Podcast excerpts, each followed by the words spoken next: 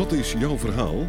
Dit is een podcast over dyslexie en aanverwante fenomenen zoals dyscalculie, ADHD, ADD, autisme en hoogbegaafdheid en over het conceptuele denken dat eigen is aan deze mensen. De podcast wordt gepresenteerd door Sean Verhoeven van Dynamica. Zij is coach en trainer voor volwassenen met dyslexie en aanverwante fenomenen. Ze gaat ervan uit dat mensen met deze fenomenen allemaal conceptuele denkers zijn. Als je dat weet en weet hoe dit denken werkt, is het mogelijk om een gemakkelijker en succesvoller leven te hebben en effectiever te kunnen functioneren in je studie of je werk. In deze podcast gaat ze in gesprek met mensen die hun eigen verhaal willen vertellen. Een verhaal dat gaat over labels, hun andere manier van denken, hun tegenslagen, de voordelen van het conceptuele denken en hun succesverhalen. Jean Verhoeven spreekt uit eigen ervaring. Ze heeft zelf dyscalculie, dyslexie en ADHD. Welkom bij deze podcast. Mijn naam is Gertrudie Boersef. Ik ben trainer en coach bij Dynamica. En ik ga vandaag in gesprek met mijn collega en partner Sean Verhoeven. Ook trainer en coach bij Dynamica. Welkom. Dankjewel. Vandaag hebben we het over stress versus ontspanning. Ja. En waarom hebben we het daar vandaag over? Nou, toen ik uh, vanochtend uh, op de fiets zat en een stukje terug aan het luisteren was over een opname over stress, toen dacht ik, ah, nou snap ik waarom ontspannen zo moeilijk is. Want als ik helemaal ontspannen ben, heb ik geen taal en heb ik ook geen focus. Mhm. En als ik heel erg gestrest ben, heb ik, heb ik eigenlijk hetzelfde, geen focus en geen taal. Oh, Dus als ik zowel stress en ontspannen is geen taal en geen focus. mhm. Ehm, of ik nu over wil hebben is wat eronder zit, onder het niet kunnen ontspannen. Hm. Want ik weet niet hoe het met, met de mensen is, eh, is die luisteren, maar er wordt al nou, nog- net geen 57 jaar, maar 40 jaar tegen mij gezegd: doe eens rustig en ontspan eens. Mhm. En of het nou mijn tandarts is, of dat jij het bent, of de buurvrouw, dat is nogal een grote opgave. Ja. En hoe komt het dan? Ik bedoel, op zich is het wel bekend dat bij stress, eh, bij me- mensen met dyslexie de taal weg is, of bij mensen met ADHD de focus eh, weg is. Of nou, zo zijn er nog wel wat verschijnselen op te noemen. Maar waarom gebeurt dat dan ook in een ontspannen toestand? Ja, dat, dat, dat waarom?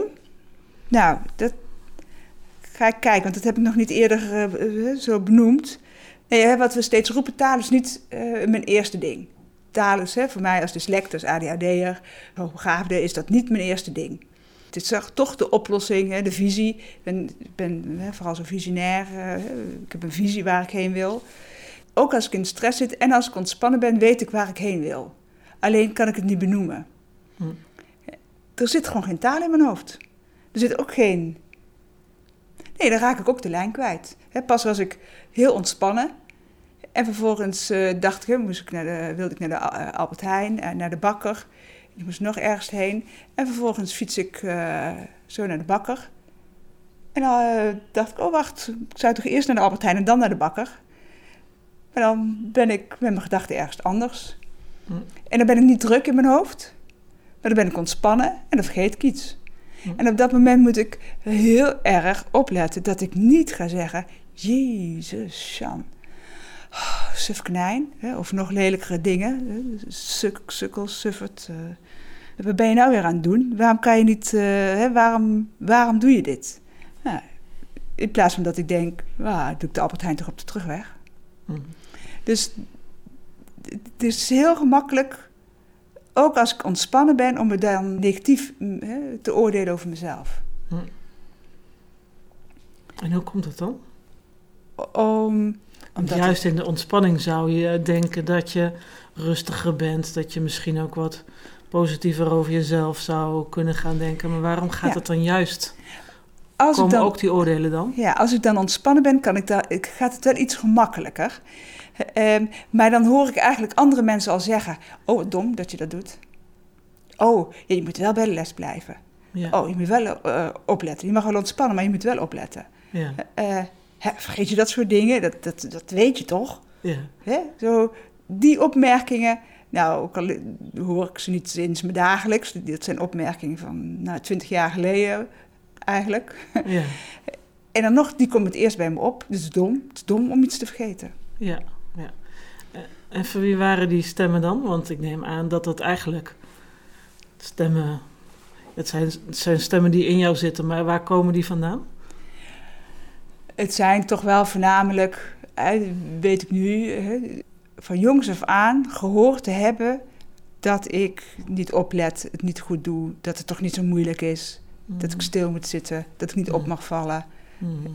Zowel van thuis uit is, is me dat aardig meegegeven. Hè? Niet, eh, niet het hoofd boven het maaiveld uitsteken of wat moeten de buren wel niet denken. En op school is dat ook wel bevestigd. En of docenten het nou echt hardop uitgesproken hebben, ja, een aantal ook. Maar ook gewoon eeuwig dat dicté eh, terugkrijgen. Mhm. Eeuwig daaraan gekoppeld eh, krijgen dat ik dus niet oplet. Mhm. En dan zat ik natuurlijk ook niet op te letten, want het ging ook nergens over. Want dat dicté kon oefenen wat ik wilde, maar die letters kwamen toch niet op papier. Opmerkingen horen en niet weten wat je daarmee moet. Hm. Ja, en dat ga je vereenzelvigen. Dus als iemand, ja, net als wanneer je, als je rood haar hebt of een bril hebt, dat iemand steeds zegt, ah, met een lelijke bril. Ja, nou dan ga je geloven dat die bril eh, lelijk is. Terwijl een bril heel mooi kan zijn. Ja, een rood haar kan ook heel mooi zijn. Maar dat je dat gaat vereenzelvigen. Dat je ermee gaat identificeren. Ja, En met eeuwig die stemmen nog horen, dat betekent dat je nu in bepaalde situaties die stemmen nog steeds in principe hoort. ja, ja. Ondanks dat ik al zoveel opgeruimd heb. Ja. Ja. Ja. ja. En ja, het is echt stukken, stukken lichter en stukken leuker in mijn hoofd dan, dan ooit. Maar die stemmen... eh, Nou ja, op zo'n moment dat ik dan hè, van de Albert Heijn naar de bakker en zo fiets... dan merk ik het meteen weer hoe gemakkelijk het is. En ook wel hoe lekker. Hoe gemakkelijk het is om dan te denken, stommerd. Ja. En ja, ik snap hem nou, dus ik kan hem draaien. Maar het eerste is toch wel, oh wat stom. Ja, ja, ja. En je zei net, ik, ik ben al zo lang bezig om dat minder te laten worden. En ik ben ook al een stuk eh, lichter. En eh, in, in, in de voorbereiding van dit gesprek hadden ze iets van... ja, we moeten het over eh, die stress die, die, die corona nu oplevert... daar moeten we het over hebben. En hoe steken we dat in? En toen kwamen we er toch ook op dat, dat het dan ook belangrijk is om te, kijken, om te kijken naar waarom jij nu zo ziek bent geworden. Want, uh, weet het, bedoel, na al die jaren dat je zo veel lichter bent geworden, ben je nu wel in de ergste mate ziek geworden die ik voor jou ooit heb gezien. Ja. Kun je Ja. daar eens iets over vertellen? Nou, wij waren eh, een paar maanden terug naar, eh, op reis gegaan. Wat ik nooit wilde, want op reis gaan dan moet je toch wel erg ontspannen zijn. En dan gebeurt er zoveel waar je op in moet eh, tunen. Dus dat, dat heeft de tijd geduurd voordat ik met je mee op reis wilde. En toen ik dat eenmaal besloten had, was ik er ook heel ontspannen in. Dus ik ben, we zijn naar Sri Lanka geweest. Daar hebben we ook nog een eh, gigantische berg eh, beklommen. Eh, voor het eerst van mijn leven heb ik jou omhoog gepraat. En meestal praat jij mij omhoog. En een paar dagen later, na die berg, werd ik stijf. Hè, Dat ik de tuk-tuk niet meer zo gemakkelijk inkwam. Maar ik dacht, nou ja, dat, dat is omdat ik dan toch te veel kokos eet of te veel nikkel eet. En vervolgens kwamen we thuis. En ik dacht, nou, hè, als ik dan weer mijn eigen eten eet, dan is dat zo weer klaar. Maar dat, zo werkt het niet. Ik eh, werd alleen maar stijver en stijver en ik kreeg steeds meer pijn. Zoals ik dat doe, dan ga ik dat dan aan van alles wijten. Mhm. Tot ik van verschillende mensen toch te horen kreeg dat het toch wel handig was om naar de huisarts te gaan. En na vier weken pijn ben ik naar de huisarts gegaan. En pijn is echt de hele dag pijn. Mijn nek en mijn schouders mijn bekken. Niet kunnen lopen, niet kunnen zitten, niet kunnen staan. Nou, en vervolgens na vier weken pijn eh, ben ik naar de huisarts gegaan en toen heb ik bloedonderzoek gedaan. En toen kwam eruit dat het reuma was in plaats van dat ik dacht dat het iets anders was. En dat betekent gewoon twee jaar eh, prednison. Ja, ik slik nog niet eens paracetamol als ik pijn heb, dus laat staan prednison. Ik, ik, ben, eh, ik ben op onderzoek uitgegaan. Ik ben met mensen, hè, naar mensen op zoek gegaan die, nou, die iets van reuma afweten. Eh, een vriendin van ons die werkt met het programma met voeding en eh, reuma. Via haar kon ik bij iemand terecht. Toen stelde ik aan haar de vraag, aan die diëtist, van... maar als het een stressziekte is, dan was ik eindelijk eens ontspannen. eindelijk, want ik, was, ik vond dat ik nog ontspannender was dan jij op reis. Mm. En ik heb echt, ik heb echt genoten. Mm. En ook die mensen daar, ik heb ook zo, die mensen zijn daar echt ontspannen. Die, die lopen echt de hele dag vanuit hun bekken. En ik heb ook kunnen zien dat ze ontspannen zijn. Want ik heb ook de viezigheid daar gezien en ook de niet leuke dingen gezien. Maar ik kon ook zien eh, dat ze daar zo ontspannen zijn, die mensen, op, een bepaalde manier. En iedereen zegt het altijd als ze op reis zijn geweest. Die mensen zijn zo ontspannen. En denk, ja, het zal wel. Maar nou kon ik het ook zelf zien. En toen vroeg ik aan die diëtist ook van, waarom word ik dan ziek? Ben ik eindelijk ontspannen? Waar ik er zo lang op gewerkt heb dat ik het ben, dan word ik het ziek. Ja, zegt ze. Is toch meestal zo dat als je op vakantie bent ziek wordt? Zeg ik, oh ja, tuurlijk. Want dat roep ik, hele, roep ik ook al mijn hele leven. Hoe vaak ben ik niet ziek geworden in de vakantie? Ja, ook klanten, tegen klanten zeg ik het ook, ja, als je ontspannen raakt, word je ziek. Dat is het trottige van die in de ontspanning gaan. Mm. En, en hoe dat precies zit in het lijf, dat, dat kan ik nog niet benoemen, denk ik. Maar wat, ook, wat ik ook zei, als ik zo'n vierdaagse training heb, ik heb wel een paracetamol geslikt, eentje of zo. Ook daarmee onderdruk je, negeer je gewoon de pijn. Mm. En als die, wat die stress die is ook een bepaalde spanning zetten op je hele lijf. Want ook als je, ik voel het aan mijn schouders, er zit altijd stress en spanning op, op mijn lijf. En dat ziet niet iedereen misschien, maar voel hem wel. En, um, want uh, die reuma die zit ook in je nek en je schouders. Je zegt ja. net, uh, mijn schouders zitten altijd in de, in de stress. Hoe, uh, vertel daar eens iets meer over. Nou, een voorbeeld wat ik wel regelmatig gebruik is... als ik s'nachts om vijf uur wakker word... en dan moet ik naar de wc en dan zit ik op de wc... en dan voel ik dat mijn nek, mijn schouders tot aan mijn oren zitten. Dat ik mijn schouders opgetrokken heb. Hm. En dan denk ik, ik kom net uit bed. Ik, bedoel, ik, ik, ik, slaap, ik ben een goede slaper, dus ik, ik heb een goed bed en een lekker kussen... Dan denk ik, dan ben ik toch ontspannen. Dan moet ik echt zeggen, huisadem. Dan moet ik echt mijn schouders loslaten. Dus onbewust zijn die altijd opgetrokken. Hm. Ja, mijn fysiotherapeut, die maakt al 10 jaar, 15 jaar lang mijn schouders en mijn nek uh, los. Ik heb spierreuma, is dit dan ook. Zit echt op de schouders en op de bovenarm ook. En als ze dan nog verder gaan, waardoor door het vast te zetten hou je ook... bloeddoorstroming is dan minder kan de bloed ook zijn werk niet doen, waardoor er ontstekingen gemakkelijker uh, komen. Hm. Plus dat het ook gewoon DNA be bepalend is. Ja, dat het ook gewoon in je lijf zit, dat je er gevoelig voor bent. En in wat voor situaties, ja, dat is natuurlijk een beetje lastig, want je zegt ook, ik doe het eigenlijk onbewust en bijna altijd. Ja. Hè, dat, dat die, die schouders optrekken en dus altijd dat vastzetten en daar, dat daar spanning op staat. Maar heb je een idee waarom, waarom je dat doet?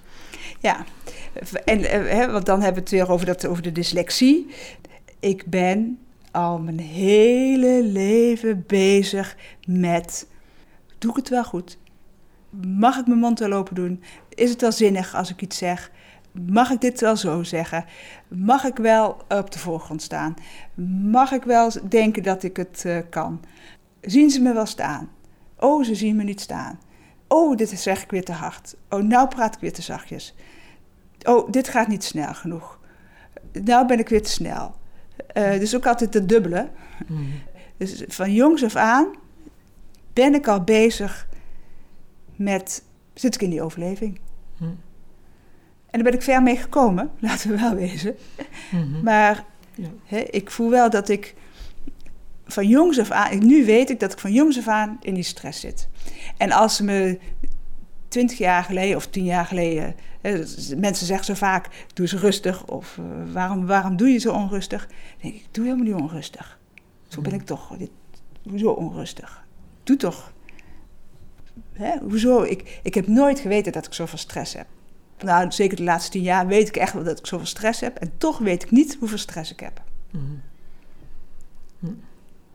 Dus dat, en, dat, en dat vind ik wel intrigerend, want daarom hebben we het er ook over. Want heel veel klanten komen hè, bij ons en zeggen: ja, stress, stress valt wel mee, faalangst valt wel mee. Maar en als ik het dan over ga hebben of dingen uit ga leggen, dan gaan ze zien hoeveel stress er is. Mm. Ik leg het elke dag aan mijn klanten uit, hoe het zit en hoe het werkt. En toch voel ik niet dat mijn stress nog veel groter is dan die is. Mm. En, dat is, daarom is het wel interessant. Nou, en als we dan weer komen op, nou, word ik ontspannen, word ik ziek? Ja, we, um, Als ik ontspannen ben, ben ik ook mijn taal kwijt. Ja, dus wil ik wel ontspannen. Ja, ja. Want wat ligt er dan... Want jij zei aan het begin van... Hey, ik, ik wil vertellen of ik wil het erover hebben wa- wat eronder ligt. Wat ligt er volgens jou dan onder? Dat, dat het zo moeilijk is naar die ontspanning te gaan? Wat ik veel zie, hè, we, zitten, we zijn zo hard aan het werk, we willen het zo graag goed doen, dat daar dat harde werk op zit. Hm. Als je dat van jongs af aan doet, hè, zoals ik dat van jongs af aan al doe, ja, ik weet niet beter. Ja. En, en wat gebeurt er dan als er dan zo'n crisis optreedt? We hebben nu eh, de corona die eh, maakt dat, eh, dat mensen veel thuis moeten gaan zitten. Maar eigenlijk op het moment dat iemand eh, ontslagen wordt of ernstig ziek wordt of eh, eh, jonge kinderen geboren en het is heel onrustig thuis, dan, dan geeft dat ook natuurlijk enorm veel stress. Wat, wat doet zo'n crisis dan met je? In dat, vooral in ook dat harde werken? Voordat we gingen in, in januari, begin januari, heb ik gezegd tegen jou, nou, dit, dit jaar ga ik echt aan het boek werken. Ik ga minder klanten doen en ik ga tijd inruimen voor het boek. Want het boek moet gewoon gemaakt worden. We weten, ik weet al drie jaar wat voor boek ik wil. Ik ben al drie jaar bezig. Het lukt me niet, ik heb geen tijd. En eh, ik, kan niet alles zelf doen, want er moet getekend worden, vind ik. Dus ik had het al in mijn agenda gepland, dan gaan we het boek eh, schrijven. Gezegd oh jee, misschien kunnen die trainingen niet meer doorgaan. En dan heb ik een hele hoop tijd. Ja, niks doen is geen issue. Nou, vervolgens ging eh, Nederland ook een groot deel op slot. Moesten we onze training afzeggen. Eh, Doordat mijn lijf het niet doet... en doordat ik minder klanten heb, waardoor ik stiller word in mijn hoofd... Ja, en wat is dat boek eh, schrijven? Boek schrijven is gewoon eh, domweg al die opnames die ik al gemaakt heb uitwerken. En dan zit ik een opname uit te werken en dan komt er die klant weer langs en die klant weer langs en dat issue weer langs. Dus dan heb ik van 10 minuten opname, kan ik de, twee, vier bladzijden eh, schrijven. En, dat daal, en dan daalt het wel in, want dan gaat het ook heel langzaam, want dan kan ik het bijhouden met schrijven. Hm. Ja, als ik mijn hoofd op volle toeren draait, dan kan ik niet bijhouden met schrijven, kan ik ook niet bijhouden met spreken. Hm. En dit is gewoon door die rust die er is en doordat ik niks anders kan. Nee. Dus dan kan ik alleen maar eh, gewoon zitten typen achter die computer. Dus eigenlijk heeft zeg maar de hele corona-crisis jou eh, heel erg geholpen om aan het boek te gaan werken. Ja, En het feit dat je ziek bent geworden. ja. Ook het feit dat ik toch wel voor het een hele hoop besef heb en heel veel geoefend heb in wel vaker in die stilte gaan. Ja, En in die overgave gaan. Want ik heb natuurlijk retraites gedaan en ook mediteren, dat ken ik ook. En, en alleen nou is het een hele lange stilte. Hm. En dat is natuurlijk wel anders. ja, En tegelijkertijd is het doordat het zo lang is, weet ik van, oh, dan heb ik een week en dan heb ik een week. Want al die trainingen die uitvallen of eh, mijn eigen cursussen die ik moet doen vallen uit. Ja. Heb ik, dus zoveel tijd, weet ik ook dat er zoveel tijd is om te schrijven. Ja. Ja. Dus kan je ook iets plannen. Dat is, het, Ja. dat is wel het leuke van deze tijd. ja, ja. Als er stilte is, dan kan ik schrijven. Hm.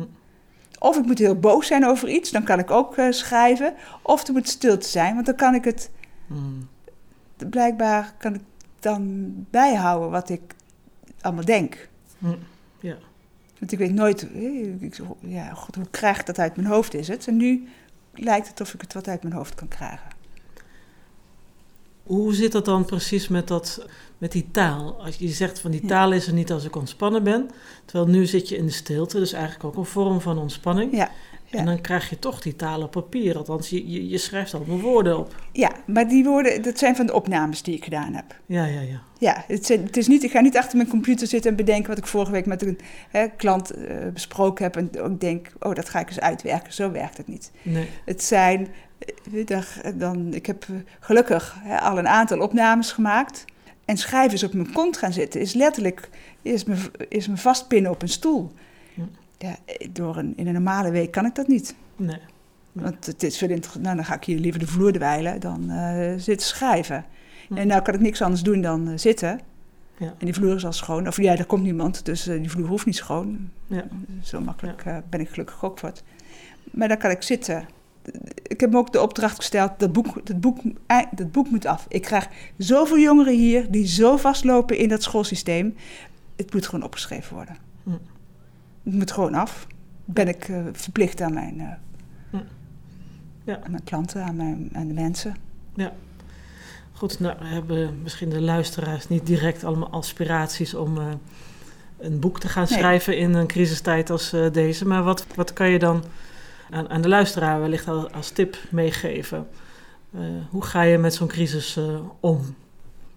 Wat belangrijk is dat je, en want dat heb ik niet verteld, de eerste twee, dagen, twee drie dagen heb ik je echt wel rondlopen stuiteren. En want dan uh, gaat in één keer, wordt er op zondagavond gezegd, uh, je mag geen mensen meer zien. Ja, uh, ik heb al mijn klanten in mijn agenda staan. weten die klanten dat? Dus moet ik op zondagavond gaan zitten mailen? Nou, dat, dat, dat, dat doe ik dan niet, want zondagavond is zondagavond. Ehm, dus dan is het helemaal onzeker wie er op maandag komt. Dan wordt alles overhoop gehaald. En dan loop ik hier ook wel te huilen en te stuiteren en uh, te mopperen en hoe dat verder moet. Ook wel voor het weet. En dat, dat zei ik van de week ook tegen een klant. En die zei ook van, ja, uh, uh, dan bel ik een vriendin. En dan zeg ik, ja, het is niks aan thuiswerken. En ik heb een kamer van 30 vierkante meter. En ik kan hier hè, geen kant op. En die muren komen er de zes, vier weken echt wel voor op me af. En uh, dan geeft die klant allemaal, of uh, de vriendin allemaal uh, advies. Ja, dat heb ik al geprobeerd, heb ik al geprobeerd. Ja, je bent ook wel negatief, wordt er dan gezegd. En ja, dus die ga ik me niet meer bellen. Nee, dat is logisch. Dus dan zeg ik, ja, het is heel belangrijk om, om gewoon... je mag best een, elke dag een half uur tegen jezelf lopen zeiken. Mag dat, zegt ze? Ze kon gewoon een keer ademhalen. Hm. En zeg ik, ja, je mag lopen zeiken. Want als je van jezelf mag zeiken, dan is het na tien minuten klaar. Hm. Als het niet mag, ben je de hele dag bezig met zeiken. Ja. ja. Dus, en wat belangrijk is, is dat je hè, kijkt of je mensen kan vinden waar je tegen mag zeiken en spreek het ook af. Hm.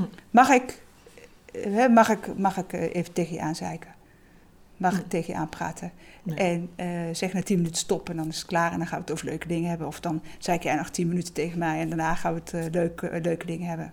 Ja. En het andere is om geen advies te geven. Hè? Als iemand om te zeggen, ja, wat vervelend, wat vervelend. Ja, oh ja, oh gruwelijk, oh ja. dat. En ja, daar hebben we het mee te doen met, met deze situatie. Want dan kan je het, dan kan, dan kan je het los, hè? kijken of je het los kan laten zonder dat je er iets mee moet. Ja. ja. En vervolgens, als, je, als ik daar weer even rond heb gelopen stuiteren, dan denk ik, oh weet je wat, dan is mijn hoofd ook weer wat leger als ik het eruit ge, ge, gezegd heb, hmm. zachtjes gesmeed heb.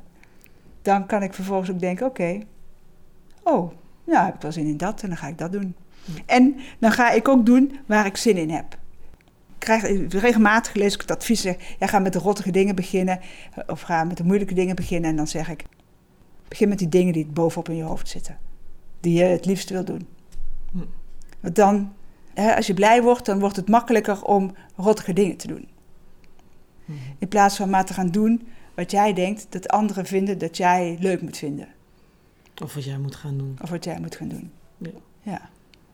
En, en, want voor de ene is het juist gaan zitten en gaan typen en de andere is juist, hè, nou ja, wat ik wel mooi vind bij jou, regelmatig begin je s ochtends met fietsen. Je gaat eerst naar het fietsen en dan ga je werken. Eh, kijk wat je ritme is, kijk, kijk, kijk wat je ritme is en wat er bij jou bovenop zit. Wat heb je nodig? Ja. En dat is, dat is een hele moeilijke vraag. maar wel om dat elke keer hè, te stellen aan jezelf, zodat je, het kan zijn dat je erachter kan komen. Ja. ja. Dat zijn voor nu de tips, ja. Ja. En um, ik zie nog één vraag op mijn uh, blaadje staan die uh, we volgens mij nog niet echt beantwoord hebben. Waarom is die stilte zo belangrijk? Afgezien van het feit dat je het nodig hebt om een boek te schrijven, waarom is die stilte überhaupt belangrijk? Dat vraag je mij. Volgens mij kan ik dat beter aan jou vragen waarom die stilte belangrijk is. Oké, okay, ga ik hem eerst beantwoorden en dan ga ik hem daarna aan jou vragen. Uh, uh, ik, dan, dan moet ik denken aan de. Uh, ik, dat is. Oh, dat is ook alweer twintig jaar geleden. Heb ik mijn eerste retraite, stilte retraite gedaan. Ik heb het uh, e-tip, hè, we hebben allebei het e-tip gedaan. Ik heb het e-tip gedaan. En vervolgens moest ik daar, uh, dan ga je vier dagen, uh, zo intern. En op een middag werd het er gezegd, nou, vanmiddag gaan we niks doen. En je mag ook niet met elkaar praten. En dan hoor je allemaal mensen om je heen, oh, wat leuk, oh, wat lekker. En ik had zoiets van, wel, wel, dan kom ik hier toch niet voor? wat kost me dit wel niet, die vier dagen? En dan mag ik, krijg ik niks en dan moet ik, mag ik niks. En dan moet ik stilzitten ook nog. Nou, ik ben boos geworden. En vervolgens ben ik... ehm, was het gelukkig mooi weer, kon ik naar buiten. En mocht, we mochten niet lezen, ook dat nog eens. Denk ik, belachelijk. En, ehm, maar ik mocht wel tekenen. En ehm, uiteindelijk, zo halverwege de middag, ben ik toch mijn kleurtjes maar gaan pakken. En ben ik gaan zitten kleuren. En heb ik een hele mooie roos getekend. Nou, daar heb ik nooit tijd voor. En dan kom ik, ik, wist ook helemaal niet dat ik dat kon. Ehm, nou, en vervolgens eh, ehm, ga je het daarna dan over hebben en erover praten. Eh, ehm, maar eigenlijk is het dan, hè, wat, wat ze dan zeggen, is dat dat je innerlijk is. Hm. Denk ik, ik zo'n mooie roos van binnen, nou, ben ik helemaal niet. Maar als jij tegen mij zegt, jij zegt dat je me leuk vindt en mooi vindt, en de klant zegt dat ik goed ben, dus eigenlijk ben ik die innerlijke roos. Alleen weet ik het niet, want ik ga er niet naar kijken. Hm. Want ik ken alleen de rottigheid. En ik moet eerst door heel veel rottigheid heen kijken voordat ik weet dat ik een mooi mens ben. Ook al hoor ik dat de hele dag. En ik, ook al weet ik dat, voor, dat ik een mooi mens ben. Maar om dat echt bij, in stilte, om dan, te kijken wat er boven komt. En dat echt aanvaarden dat jij dat bent. Hm. Of dat ik dat ben. Hm. En de eerste keer is dat niet leuk. De tweede keer is het iets minder niet leuk. En dan wordt het weer een keer heel erg vervelend. En dan, vervolgens ben ik vaker en vaker re- retraite gaan doen. Ook omdat het in de opleiding zat. En vervolgens omdat ik het leuk vind. Eh, ehm, ik word er zachter van, naar mezelf toe. Hm. Naar die stilte. Hm. En ik... Het, het, het is leren durven kijken naar... ehm, wie ik eigenlijk ben. En durf kijken naar wat andere mensen zeggen over mij. Hm. Want hè, andere mensen kunnen zien vaak makkelijker wie jij bent. Hè? Kwaliteiten ook, hè, dan jezelf. Dus durf kijken naar jezelf. Hm. En wat is daar het voordeel van? Het stoppen, door dat te doen kan ik steeds beter stoppen met negatief denken over mezelf. Ja, als ik dan de route verkeerd doe, dat ik denk, ja, dan doe ik het toch andersom. Hm. In plaats van dat ik, ja, wie weet nou dat ik eerst naar de Albert Heijn zou gaan en dan naar de bakker. Hm. Wat maakt het nou uit? Nou, dat kan ik verdenken. Dat kon ik voorheen, jaren terug kon ik dat niet eh, denken. Hm. En dat betekent ook dat ik zachter kan zijn naar jou, naar onze meiden, naar, nog zachter kan zijn naar onze klanten. Hè, Ik werk steeds minder hard, steeds zachter. En toch doe ik steeds meer. Hm. Dus dan kom je meer naar die ontspanning. En als je dan aan mij vraagt van, goh, waarom is die stilte zo belangrijk? Ja. Ehm, nou, ik merk in ieder geval dat ik die stilte nu heel erg opzoek door eh, minstens drie keer in de week een uur, anderhalf uur, twee uur te gaan fietsen. Ja. Alleen. Ja. En dan ga ik echt de stad uit. Dan zorg ik dat ik eh, water zie, dat ik eh, graslanden zie, bomen zie, natuur zie. Dat helpt mij in ieder geval heel erg om me bewust te worden van waar zit ik nu, waar sta ik nu, waar ben ik mee bezig, ehm, eh, ben ik op de goede weg, ehm, eh, wat voor gedachten zijn het allemaal die me bezighouden. Nou, dit zijn soms eh, niet leuke gedachten. Want als het bijvoorbeeld over dat boek gaat, dan heb ik zoiets van, ja, kan ik dat wel? Heb ik wel wat te vertellen in dat boek? We willen, omdat het voor jongeren is, willen dat er veel tekeningen in staan. Hoe gaan we dat doen? Durf ik het aan om zelf dan te gaan tekenen? Eh, en heb ik daar dan iets in te vertellen? Eh, kom ik wel genoeg aan me trekken? Is het voor mij interessant genoeg, dat hele project? Dat zijn allemaal van die vragen die ik eigenlijk dan niet me bewust durf te laten te stellen. En die ik dan uit de weg ga als ik niet die stilte inga. Ja. Maar als ik dan niet die stilte inga, dan ga ik weer allerlei dingen moeten. En dan ga ik mezelf forceren en dan wordt het ook heel erg lastig. Uh, dus dan ga ik weer veel te hard werken en proberen weer aan allerlei verwachtingen te voldoen. Dus ik moet eigenlijk echt naar die vragen toe. Ja. Wel ja. mooi vind bij jou is dat je, want je zegt, uh, voorheen zei je ook wel, hè, ik, ik, ik moet eigenlijk gaan fietsen. En vervolgens uh, zet je computer aan en dan zit je daar wat te doen. En dan ben je daar weer wat bezig en daar weer wat bezig. En een uur zeg je, ja, nou is het te laat om te gaan fietsen. Ja. En wat je nu doet is, zit je om acht uur op de fiets ja. en dan ga je gewoon. Waardoor het thuis ook een stuk leuker is. Je bent ook een stuk gezelliger. En dan kan je... Eh, want ik hoorde je eh, eerder hadden we het erover te zeggen van ja, maar ik voel me eigenlijk ook wel een beetje ontduiken van mijn werk. Mm -hmm.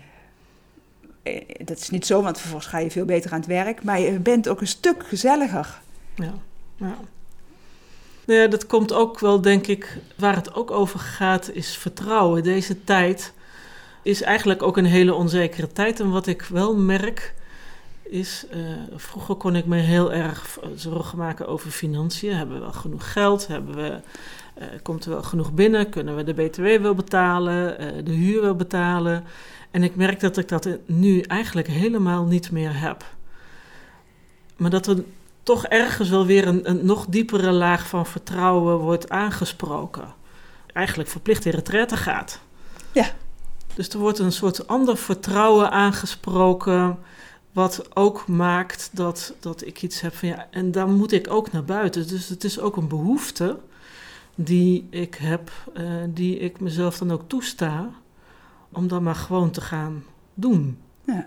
En dat is wel iets wat nieuw is uh, voor mij. Dat ik het mezelf gewoon gemakkelijker kan toestaan en dat ik erop vertrouw dat als ik dan straks weer terugkom, dat, uh, dat ik dan toch genoeg doe.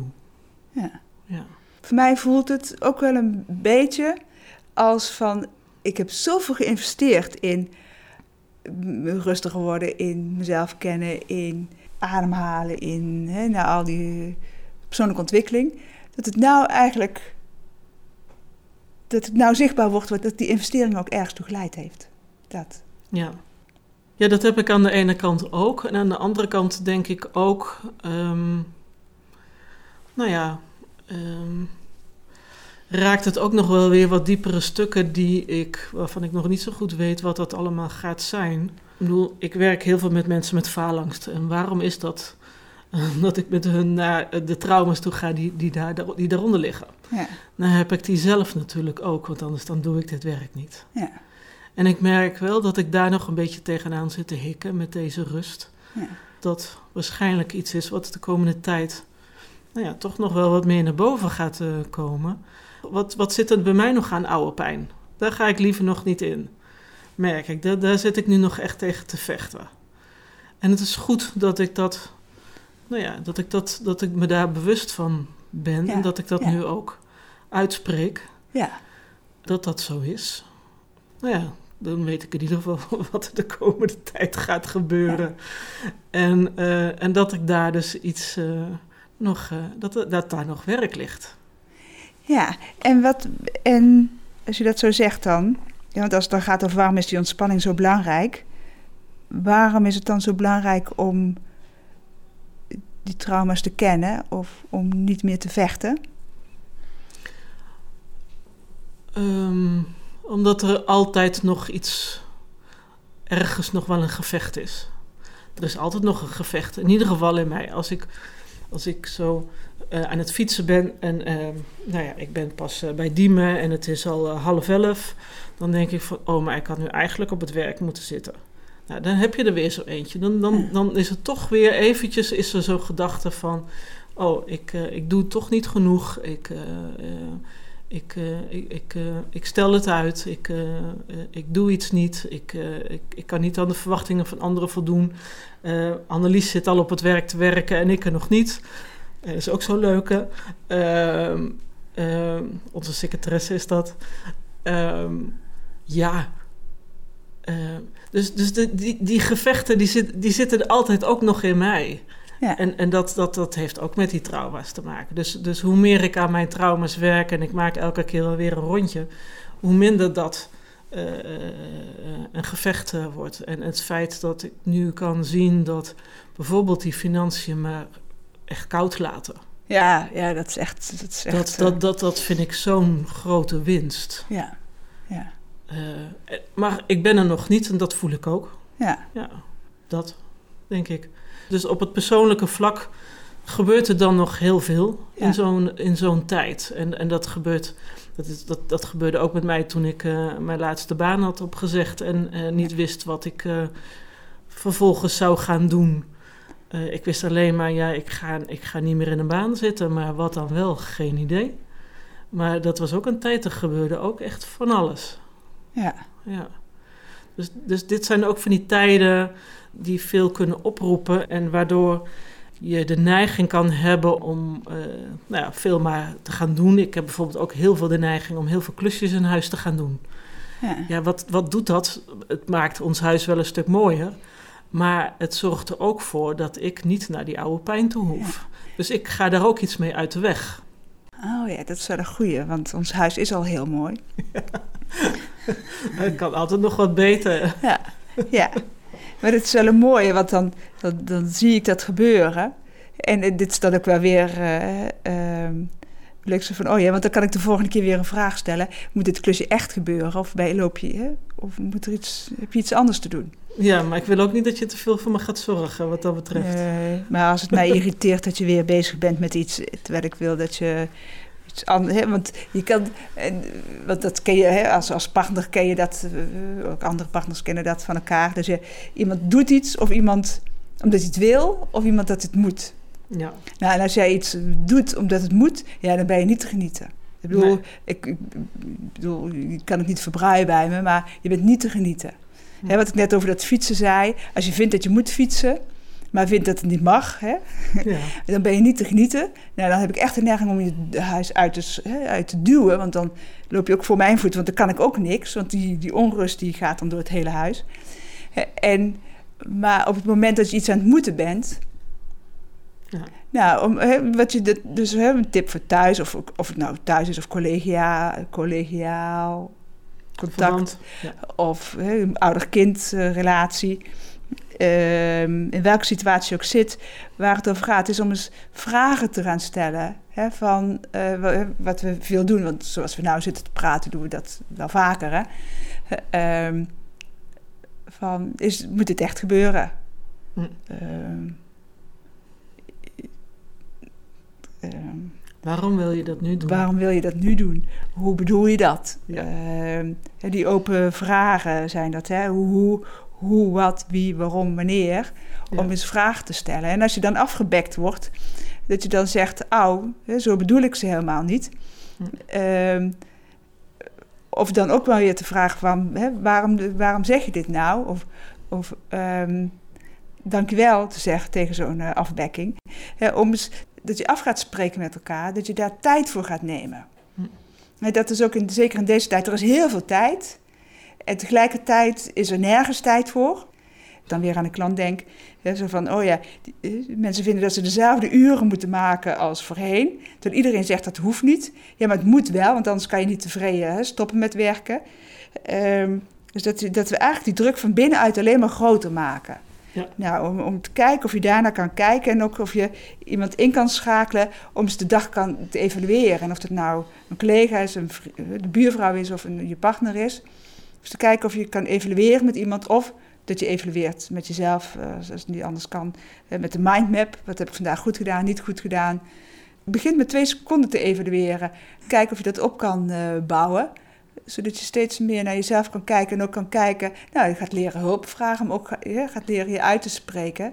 En ook gaat zeggen van ja, ik baal er zo van van deze situatie. Hm. Zodat je dat weer, hè, door het hardop te zeggen, is ook loslaten. Ja. En als die ander zegt van ja, dat snap ik. Dan kan je nog wat meer doorademen. En als je dan ook weer die ene hè, terugvraagt van hoe zit het dan bij jou? Hoe doe jij dat? Nou, zo dat je een gesprek gaat doen, al is het maar tien minuten op een dag. Zijn er nog wat laatste dingen die je nog wil zeggen? Ja, ik wil nog één ding eh, zeggen. Wat ik hier altijd zeg, is dat we voor 300% aan het werk eh, zijn.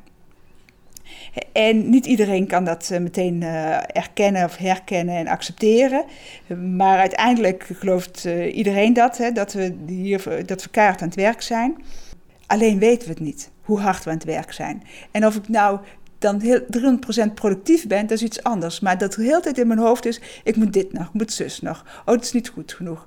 Uh, het is ook een beetje de norm hè, die je zelf stelt. Ja. Die norm ligt bij, wat ik zie bij conceptueel denkers, die ligt heel hoog. Ja. Omdat je alles ziet, alles uh, hoort, uh, alles met elkaar in verband brengt. Ja.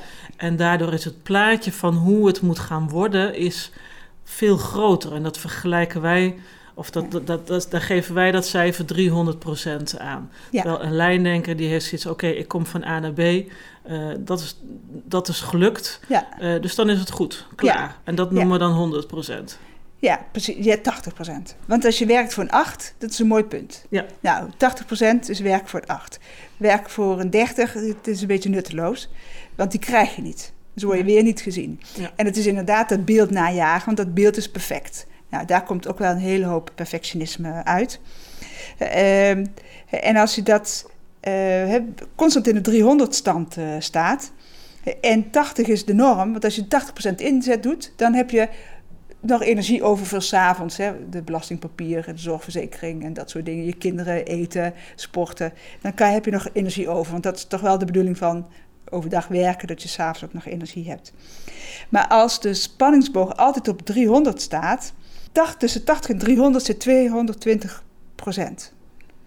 En dat is een hele hoop. Dus daarin ga je niet gemakkelijk terug. Uh, die 300 procent is ook een verslaving. Zoals, uh, we kennen het, workaholic, maar ook die negativiteit in het hoofd is ook een verslaving. Hetzelfde als alcohol, drugs, uh, kleren kopen, schoenen kopen. Van 300% naar 80 terug, 80 voelt echt als niks doen. Nou, de eerste keren dat ik op 80% zat, nou, ik vond er echt gereed aan. Want ik had niks, ik had niks gedaan. Ik weet nog dat ik hier een vierdaagse training had met drie mensen. ik hoefde maar wat te zeggen en ze snapten het en ze gingen samen aan de slag. En ik denk, ja, ik ben niet meer nodig. Is dat nou 80%? Nou, dat, gaan we niet doen. Maar de volgende dag was het mooi weer. Toen zei je, zullen we gaan wandelen? En toen kon ik voor het eerst zeggen, dat is goed. Meestal lig ik voor Pampus, uh, die vijfde dag. En toen kon ik uh, gewoon mee naar buiten. Hm. Toen dacht ik, oh, het levert toch wel wat op, die, die werk voor 80%. Daarom is het ook zo moeilijk om af te kicken van hard werken. Ook hm. af te kicken van negatieve gedachten. Af te kicken van uh, het moeten. Afkicken van... Hm. Um, nou, weet je, ik was best wel trots. Ik heb vier weken echt met pijn, nou, je hebt me gezien, echt met pijn rondgelopen. En ik was er nog trots op ook dat ik het zo lang volgehouden heb. Ja, ik bedoel... Maar aan het eind was je wel bloedzagrijnig. Ik was, ik was heel chagrijnig. Dat, en dat merk jij dan weer beter dan ik. Maar ik bedoel, dat, dat, nou, zo, zo is het zo in elkaar verweven. Ja, ja. En dat het niet zo eenvoudig is, maar tegelijkertijd wel heel belangrijk is om om uh, nou, eigenlijk deze situatie aan te grijpen. Om maar te gaan kijken van wat is er, waar wil ik niet naar kijken, uh, met of zonder hulp. Uh, om te kijken van wat heb ik te doen in deze tijd, zodat ik er hier goed uitkom. En straks ook weer, nou als we eenmaal weer open mogen, als we weer aan het werk mogen, die bulk beet, ermee om kan gaan. Dat we niet ons dan hup weer allemaal in keihard werk storten. Want dat is dan de andere kant. Dat we daar ook op voorbereid zijn. En als laatste opmerking is, hè, want we, zijn, we roepen altijd, hè, we zijn goed in crisis oplossen en zo. Maar dan kan je ook denken van, ja, waarom kan ik mijn eigen crisis niet oplossen? Maar een crisis van anderen oplossen is altijd leuker, makkelijker, interessanter dan je eigen crisis oplossen. Hm. En dat is eigenlijk ook weer weggaan van je eigen crisis. Hm. Dus om, uh, nou, om daar het evenwicht in te vinden, zonder in verwijten te gaan. Of het nou, ja, zonder in elkaars verwijten te gaan. Dankjewel. Alsjeblieft. Wil je reageren op deze podcast of heb je vragen? Stuur dan een mail naar podcast.dynamica.nl. De reacties zullen worden meegenomen in volgende podcasts. John Verhoeven geeft coaching, workshops en trainingen. Wil je meer informatie? Kijk dan op www.werkendyslexie.nl of www.geniaaloprechts.nl of bel 020 639 1099. 020 639 1099. Jean Verhoeven heeft twee boeken geschreven over dyslexie: Slimmer dan je baas en Dyslexie, Stoornis of Intelligentie. Deze boeken zijn te koop in elke boekhandel. Stuur de podcast door naar iedereen waarvan je vindt dat ze meer zouden moeten weten over dyslexie, ADHD, ADD, dyslexie, dyscalculie, autisme en hoogbegaafdheid en het conceptuele denken. Deze podcast is gemaakt in samenwerking met Marcel de Hoog van Storytelling Media. Hij verzorgt de technische, redactionele en morele ondersteuning. Tot de volgende aflevering.